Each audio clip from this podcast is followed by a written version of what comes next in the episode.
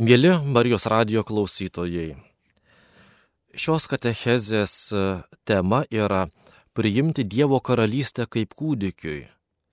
Ko galime mes išmokti iš mažo vaiko pamaldumo?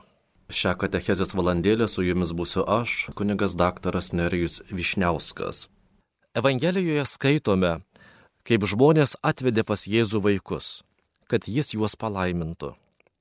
Mokiniai tam priešinosi, Jėzus užsirūstino ir liepė jiems leisti, kad vaikai ateitų pas jį.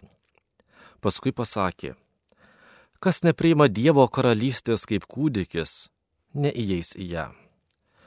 Pravartu prisiminti, kad anksčiau Jėzus tiems patiems mokiniams buvo sakęs, jums atiduotas Dievo karalystės slėpinys. Dėl jos jie viską paliko, kad sektų paskui Jėzų. Jie ieško Dievo artumo, jie nori būti jo karalystės dalimi. Bet dabar Jėzus juos įspėja, kad atstumdami vaikus, jie kaip tik užveria vienintelį įėjimą į Dievo karalystę, kurios jie taip stipriai trokšta. Bet ką reiškia priimti Dievo karalystę kaip kūdikiui? Paprastai tai suprantama taip. Priimti Dievo karalystę taip, kaip ją priima vaikas. Tai atitinka kitus Jėzaus žodžius Evangelijoje pagal matą. Jei neatsiversite ir nepasidarysite kaip vaikai, neįeisite į dangaus karalystę. Vaikas pasitikė nemastydamas. Vaikai negali gyventi nepasitikėdami aplinkiniais. Jų pasitikėjimas nėra darybė. Tai gyvybiška tikrovė. Norint sutikti Dievą, geriausia, ką turime, tai mūsų vaiko širdis, kuri yra spontaniškai atvira, drįsta paprastai klausti, nori būti mylima. Būti vaiku - tai ne tik pasitikėti, bet ir aukti, trokšti, trokšti pažinti, žinoti, mylėti ir būti mylimu. Būti kaip vaikas, mylėti tiesą ir nekesti melo. Juk jei suaugęs apgauna vaiką, dažniausiai jis visam laikui praranda vaiko pasitikėjimą ir tikėjimą juo. Būti kaip vaikas reiškia iki sielos gelmių gyventi Evangeliją, būti bedėmės ir apgaulės. Būti vaiku reiškia būti dar nesugadintos ir nesuterštos blogių širdies. Daugelis iš mūsų žinome rašytoją Sergejų Kozlovą ir jo parašytas pasakas. Turbūt neverta ginčytis, kam jis rašė - vaikams ar suaugusiems. Jis buvo tiesiog pasakininkas, o jo sukurtame pasakų miške gali nutikti tai, kas nutinka ir tikrame gyvenime.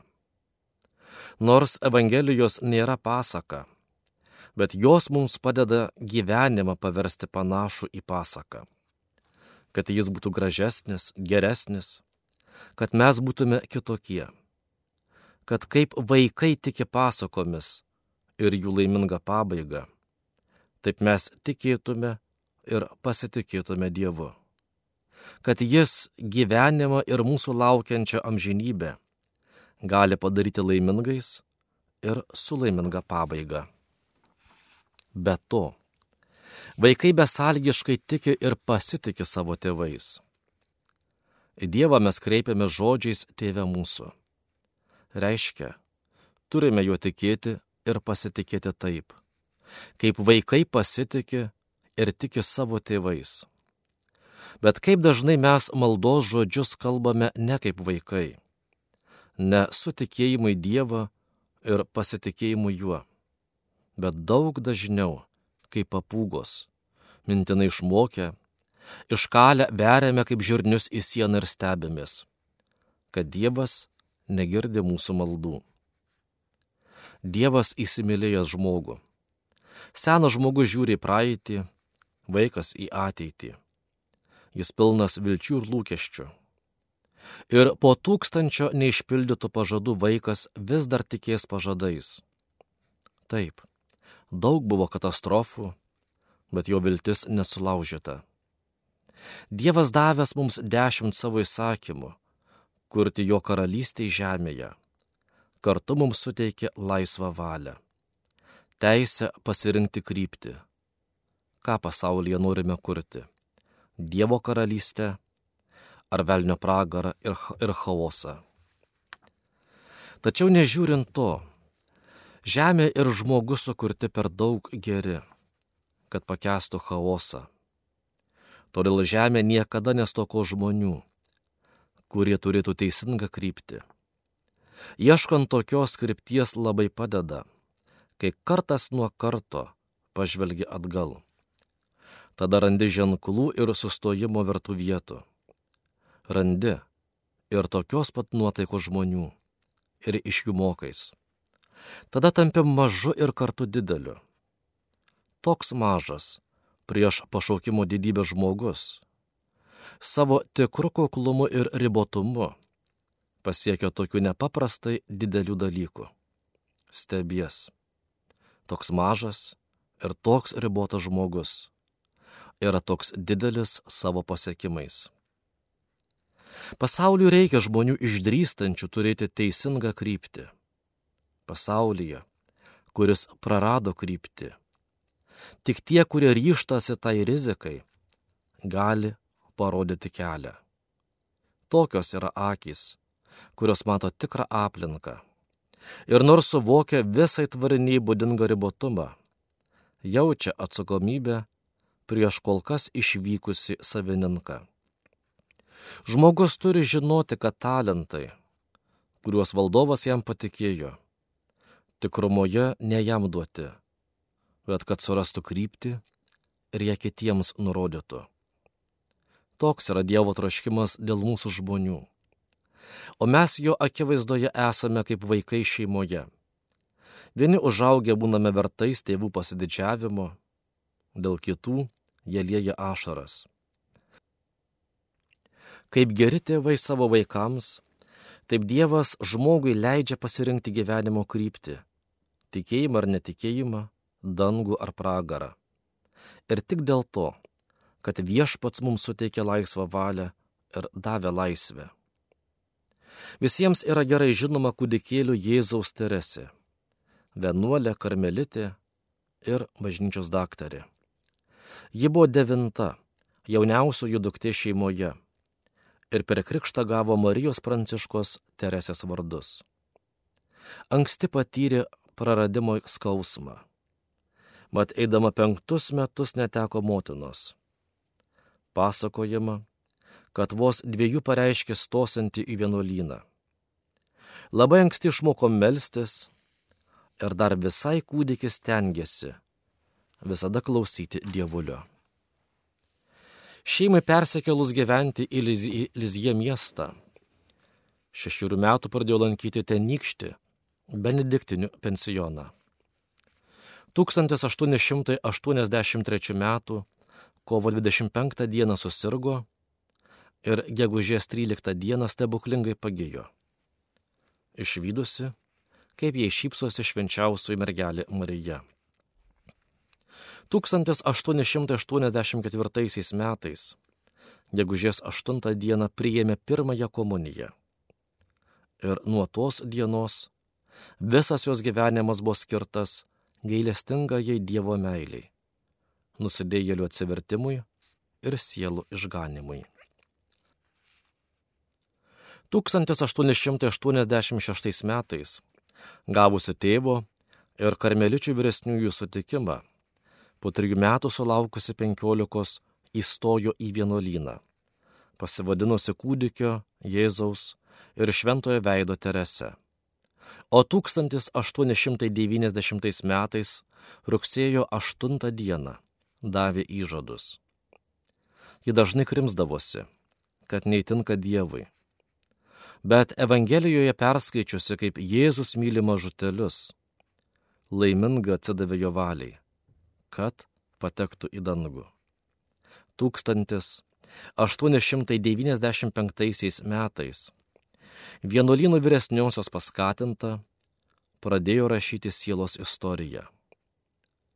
Šioje knygoje atsispindi jos dvasinis kelias - įsitikinimas, kad tik visiškas pasiaukojimas gailestingajai Dievo meiliai gali atkurti nuodėmė suardytą tvarką, kad tik paskui sielą susijungusią su Dievu eina tie, kuriuos jie myli. Šiame kelyje nestigo nei abejonių, nei dvasios silpnumo akimirkų, bet visa tai dingdavo atsidavus į Dievo rankas.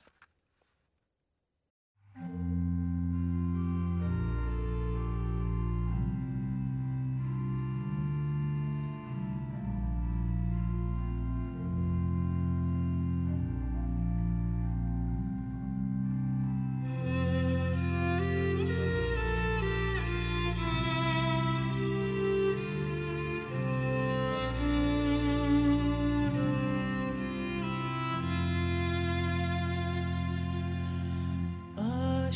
atsiųsiu rožių lietų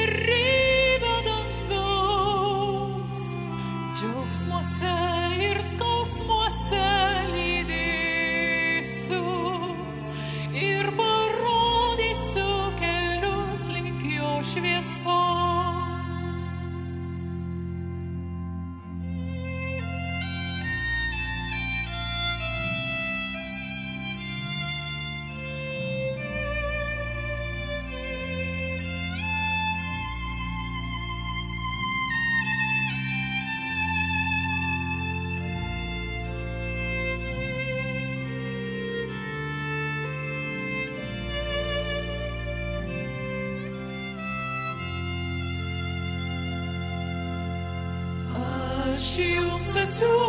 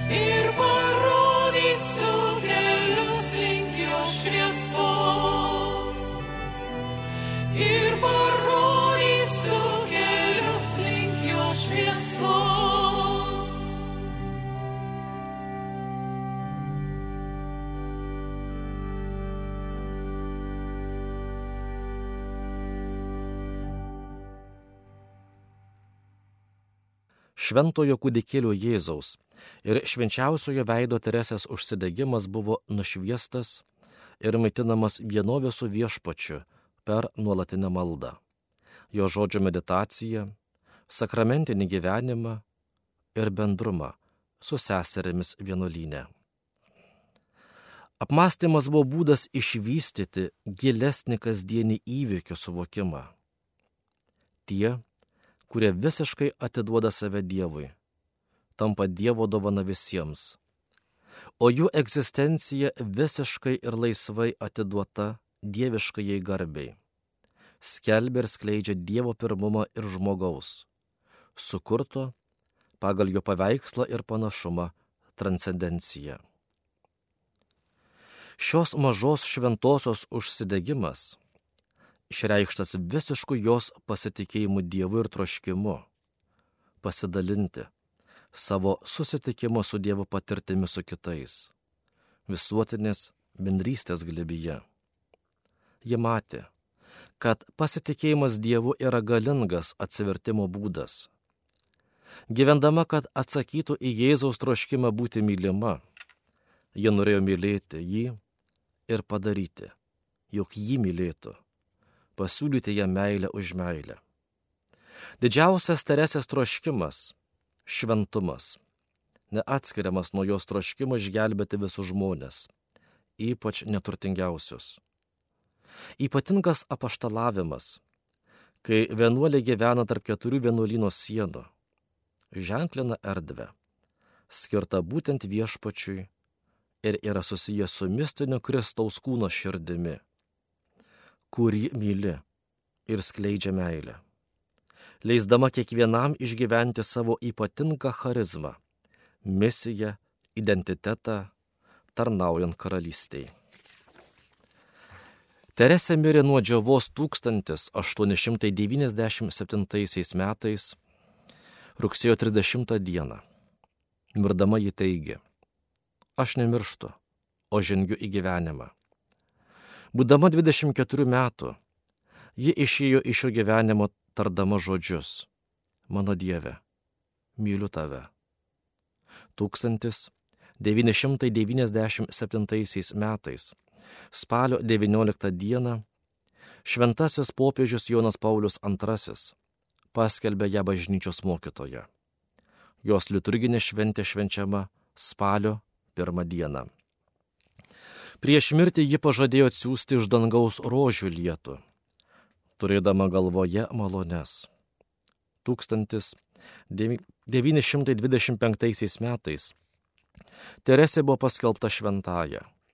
1927 metais gruodžio 14 dieną popiežius Pijus XI ją kartu su Pranciškumi Ksaveru paskelbė misionierių ir misijų. O 1932 metais spalio 28 dieną Rusijos globėja.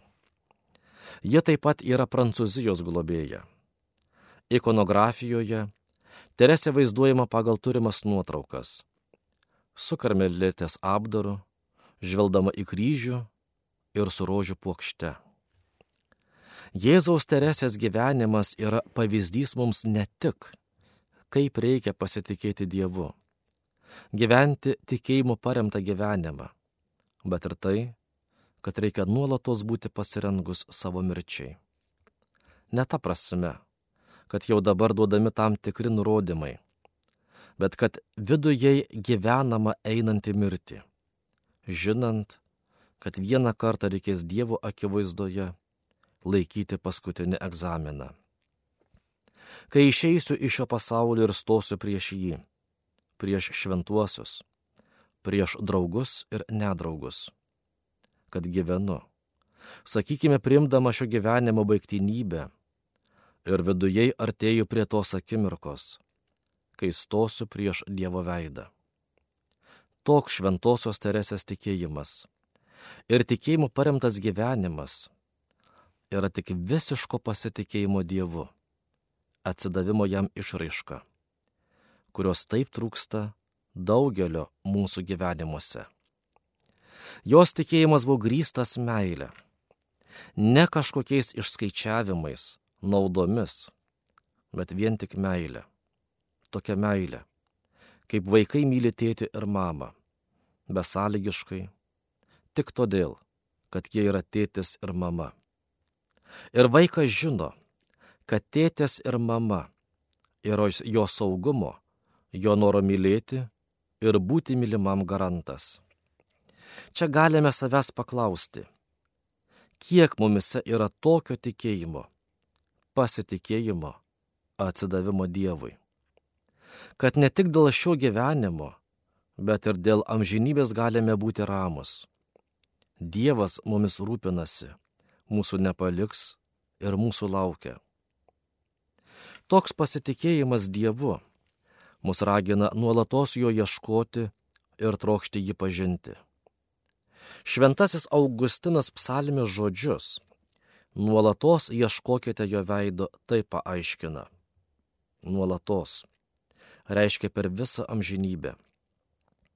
Dievas toks didelis, kad mes jo niekada galutinai nesurasime.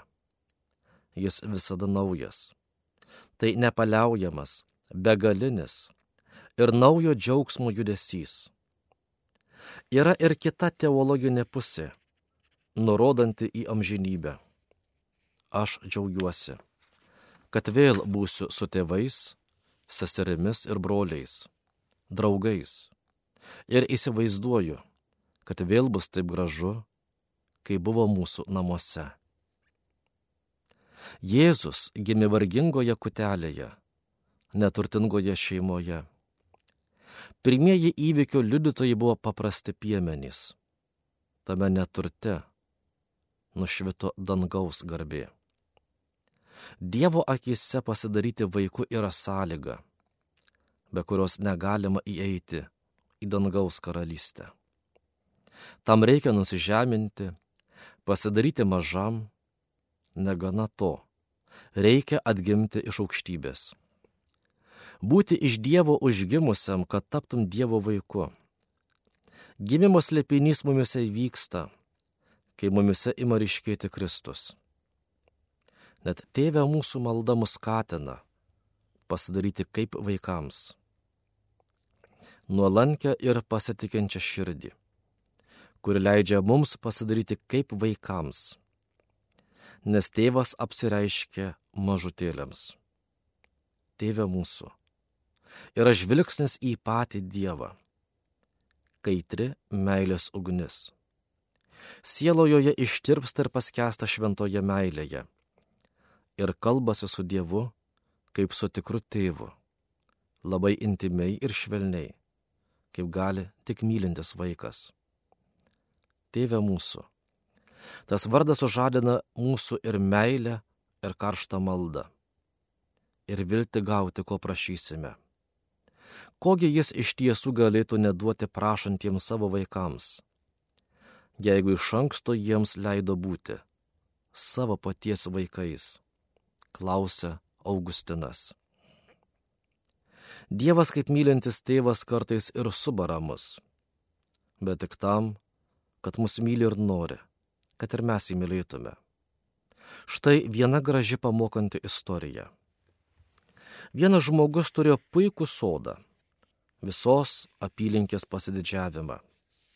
Jis traukte traukė vaikus pasirinkti obolių, bet sodo šeimininkas rūpestingai saugojo savo sodą. Kai vaikai į jį įlyzdavo, šeimininkas išlėkdavo su medžiokliniu šautuvu ir grasindavo, kad im šaudyti, jei vaikai dar kartą sugrįž. Kaimynas kasdien matydamas panašias scenas kartą paklausė. Žmogau, argi tau gaila obolių? Juk sode turi kelis kartus daugiau vaisių, negu galėtum suvalgyti tu ir tavo šeima.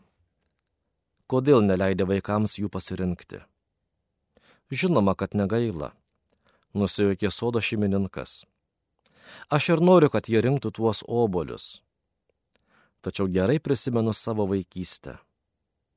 Jei jų negazdinsiu, tai vaikai tikrai daugiau nebegrįž. Taip jau yra, kad draudžiamas vaisius dažnai būna labiausiai viliojantis ir pats skaniausias. Argi būtų nusidėję rojuje Adomas ir Jėva, jei jiems nebūtų nuolat kirbėjusi mintis apie uždraustą vaisių. Dievas mums niekada neužtrenkia vienų durų, netidarydamas kitų. Prisiminkime rojų. Dievas matė pirmųjų tėvų nusikaltimą, bet net stumė jų dėl padarytos nuodėmės. Adomas ir Ieva nupuolę gėdėjasi pasirodyti savo kūrėjui, bet pats Dievas imasi iniciatyvos, stengiasi užmėgsti su jais kontaktą nors ir išveja iš rojaus, viena maža detalė atskleidžia jų rūpestį. Viešpats padarė drabužius iš kailių žmogui, be jo žmonai, ir aprengė juos. Skaitome pradžios knygoje. tokia yra besąlygiška Dievo meilė mums. Vaiko nuoširdaus tikėjimo ir pasitikėjimo Dievu mus moko ir Švento Jono Bosko mama, taip kaip auklėjo ir ugdė mažąjį Jonuką. Švento Jono Bosko mamos Margaritos pedagogika buvo instinktyvi. Jos pamatas - religinis gyvenimo suvokimas. Dievas tave mato. Margaritos dažniausiai kartojami žodžiai. Ji leido vaikams išdikauti netolimuose pievose, o jiems išbėgant iš namų sakydavo - atsiminkite, kad Dievas jūs mato. Pastebėjusi, kad vaikai pykstasi ir nori melu išsisukti iš kurios nors bėdos, įspėdavo - atsiminkite, kad Dievas žino ir jūsų mintis. Tačiau Dievas, kurio atvaizdą mama formavo savo vaikų protuose, niekada nebuvo Dievas žandaras. Jei naktis būdavo graži ir dangus žvaigždėtas, priengyje besimėgaujantiems vėsa, jis sakydavo, tai Dievas sukūrė pasaulį ir ten aukštai pasėjo tokią daugybę žvaigždžių. Po pjūties nurinkus vynogės, atsikvepiant po sunkaus darbo pakviesdavo, padėkokime Dievui, jis toks geras ir duoda mums duonos kasdienės. Net po audros ledams iškapojus pasėlius, mama ragindavo pamastyti. Dievas davė, Dievas atimė. Jis geriausiai žino, kodėl taip atsitiko. Taip Jonukas išmoko šalia mamos, brolių ir kaimynų jausti dar vieną asmenį - Dievą, didį asmenį, neregimą, tačiau esanti visur - danguje, laukuose elgetų veiduose, sąžinės balse ir sakantį. Pasielgiai gerai, padarai blogai. Asmenį, kuriuo motina be galo pasitikėjo. Dievas jai neginčiamai buvo geras tėvas, kuris tikrai duoda kasdienės duonos, kuris kartais siunčia sunkiai suprantamus įvykius, tačiau jis žino, dėl ko taip atsitinka ir to gana. Mėly Marijos radijo klausytojai, štai ko mus moko mažųjų tikėjimas. Tokį tikėjimą mus mokė turėti Jėzus Kristus. Tokiu tikėjimu kreiptis į Dievą. Tokios vaikiškai atsidavusios širdies Dievui buvo daugelis šventųjų, kurių pasaulis dažnai nesuprato, tačiau kuriais žavėjosi ir norėjo sekti o ir apaštalams. Paprašius sustiprinti jų tikėjimą, Jėzus atsakė. Jei turėtumėte tikėjimą kaip garstyčios grūdelį ir įsakytumėte šitam šilkmedžiui, išsirauk ir pasisodink jūroje, tai jis jūsų paklausytų. Jėzus garstyčios grūdelio mažumą pavertė Dievo karalystės simboliu mes galime būti labai maži. Tačiau tikėjimo liepsna gali pakeisti visą mūsų gyvenimą, kurti meilę Dievui, artimui ir savo pačiam. Šią katechezę pravedžiau aš, Kvarsko parapijos klebonas, kunigas daktaras Nerijus Višniauskas. Garbė Jėzui Kristui.